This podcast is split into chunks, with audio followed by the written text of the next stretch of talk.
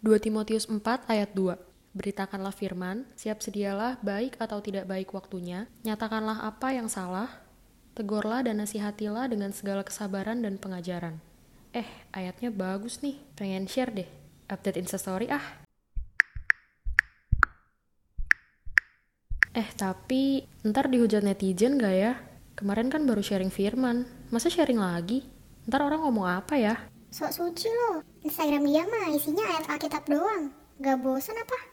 Ngapain dah? Guys, 2 Korintus 5 ayat 20 bilang kalau kita itu utusan Kristus, perwakilan Kristus. Masa karena takut dihujat netizen langsung gak jadi share? Kita nggak tahu berkat apa yang bakal dirasakan orang lain dari firman sederhana yang kita share. Mungkin aja ada orang yang lagi di titik terendahnya dan karena sepotong ayat yang kalian share, mereka jadi terselamatkan. Nah, lo mau jadi orang Kristen yang takut sama netizen atau jadi perwakilan Kristus?